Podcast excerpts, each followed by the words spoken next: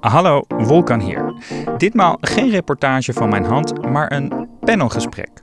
Ik heb daarvoor gekozen omdat ik benieuwd ben wat mannen vinden over hun rol bij anticonceptie en wat vrouwen daarover te zeggen hebben. Veel plezier.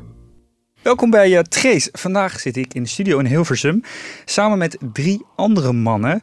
En we gaan praten over anticonceptie uh, en wat hun houding daarin is. Maar uh, eerst ga ik de man introduceren. Dat kunnen jullie trouwens zelf doen. Wie zijn jullie? Wat doe je in het dagelijks leven? En welke vorm van anticonceptie gebruik je? Hoi, ik ben Dylan. Ik uh, heb filosofie gestudeerd. Wat ik in het dagelijks leven doe, is uh, dat ik programmamaker ben bij Pakhuis de Zwijger. Ik gebruik, uh, de, voornamelijk qua anticonceptie gebruiken we eigenlijk niks. Maar als we het gebruiken, dan zijn het condooms.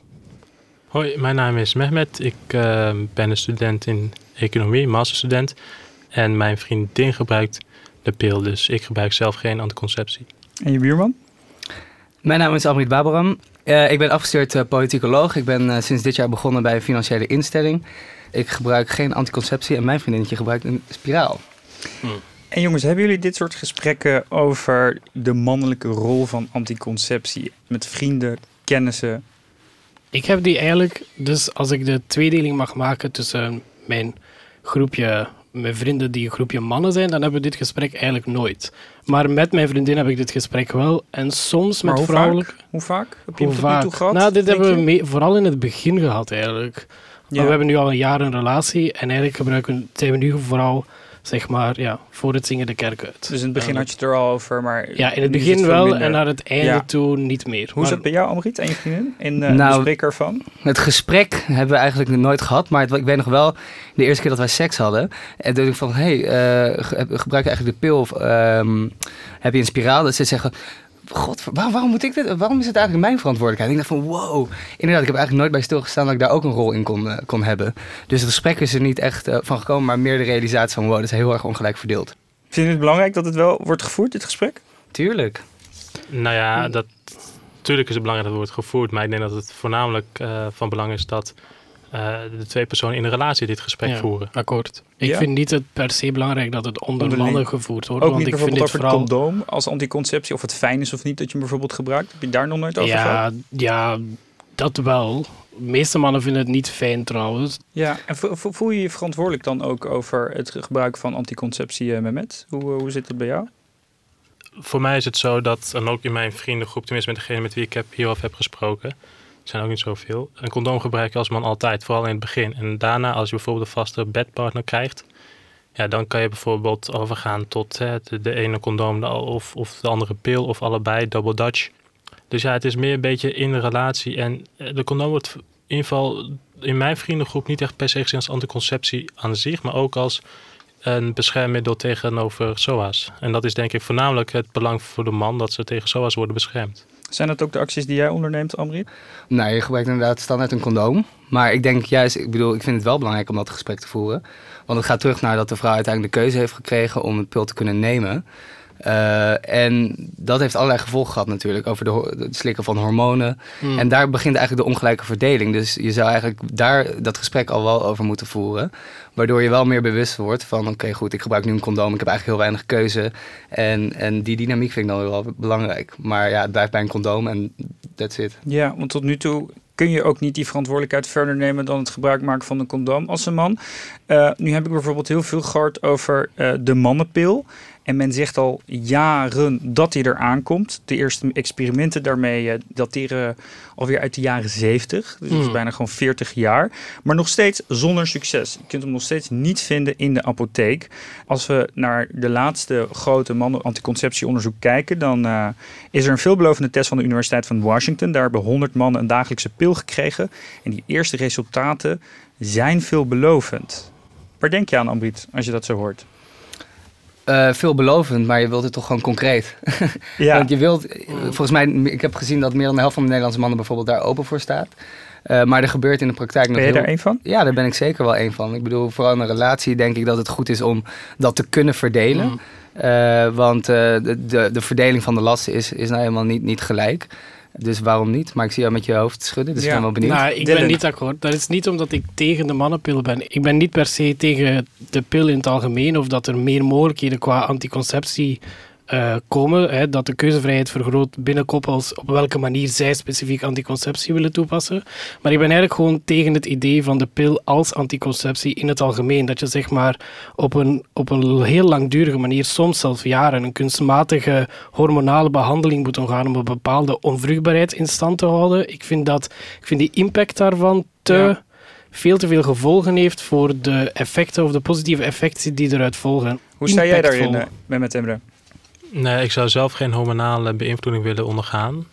Eh, dan gebruik ik liever de condoom, want dat, dat werkt als anticonceptie, dat werkt heel goed. En waarom denken jullie dat er wel een anticonceptiepil voor vrouwen is en nog niet voor de man?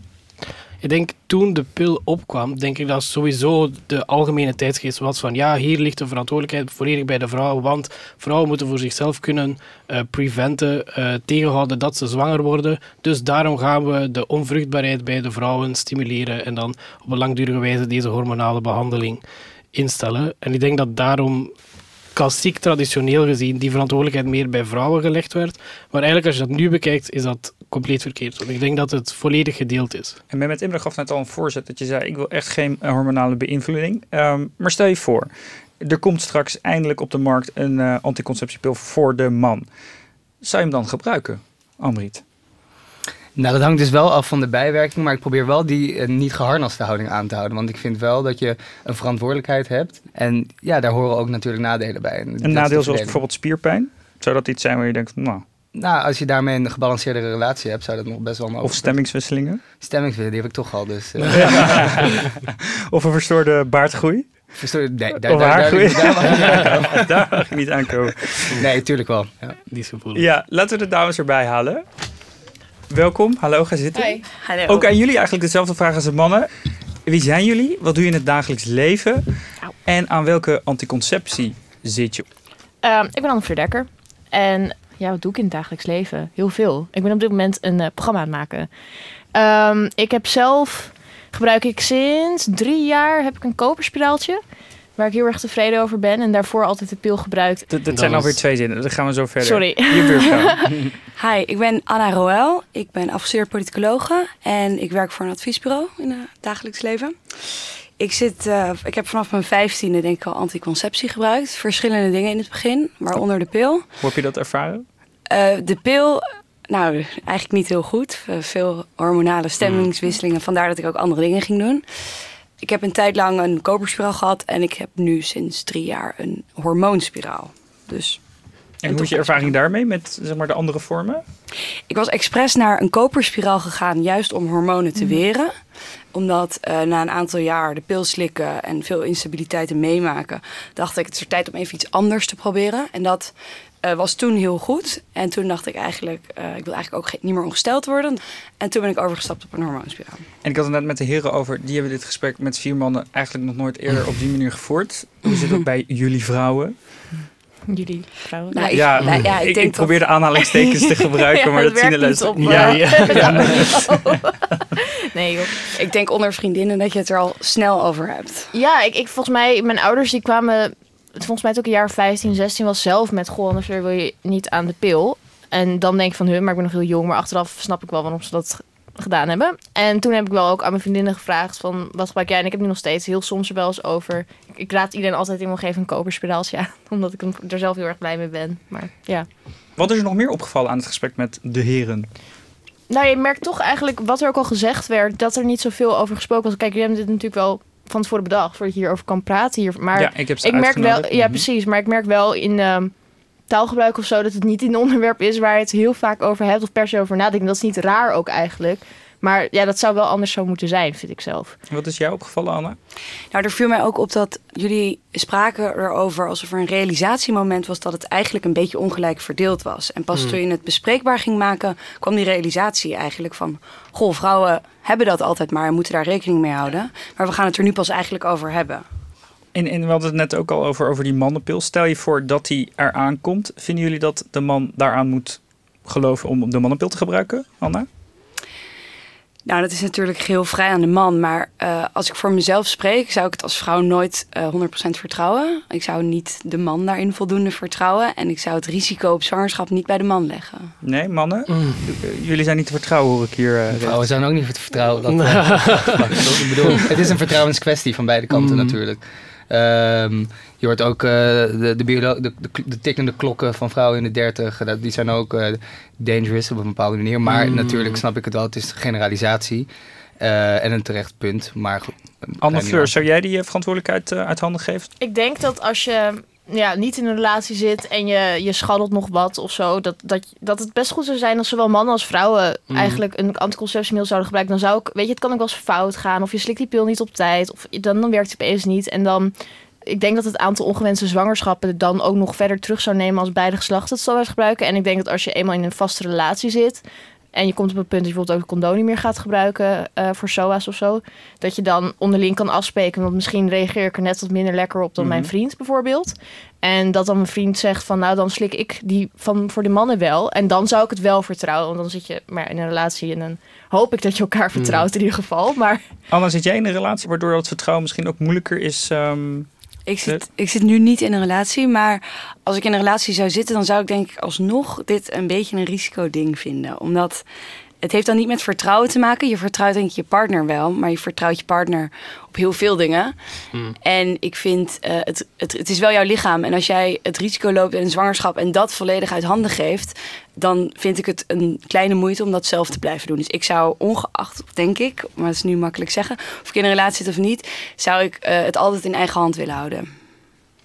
Jullie vragen net de hele tijd aan jullie gesteld van zou jullie die mannenpil gaan gebruiken? Maar stel je voor nu aan jullie van als, als die uitkomt, denken jullie dat mannen hem gaan gebruiken? Nee, in het begin sowieso niet. Dat duurt denk ik nog wel voor, tot die uit, voor het moment dat hij zeg maar echt verkrijgbaar is, totdat mannen massaal daar aan zitten. Dus ik echt nog wel 25 jaar of zo tussen Ja, minimaal 1 tot 2 generaties. Ja.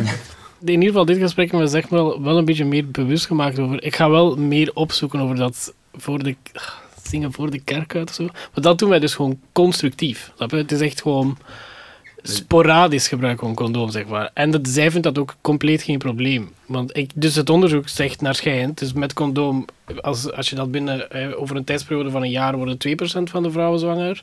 En met voor het zingen de kerk uit gaan 4%. Dus die methode is zeg maar in die seksuele voorlichting die we gehad hebben als 16-jarige, is die heel erg zeg maar ons angstig aangeleerd, omdat mensen toen iets hebben van ja kijk, 16-jarigen, ze weten amper nog wat seks hebben is überhaupt. Dus dan gaan ze deze methode zeker niet goed kunnen toepassen. Dus pil en condoom, laten we dat maar die kinderen aanpraten ja, om tienerzwangerschappen te vermijden. Maar als... maar als je alle twee zeg maar volwassen mensen bent in een goede relatie, is in mijn ogen denk ik die methode onderschat. Wat zou je doen als je vriendin zwanger raakt? Ja. ja, oh ja. ja. Awkward, ja, dus awkward silence. moment uh, eraan. Nee, nee, nee. Nee, ja.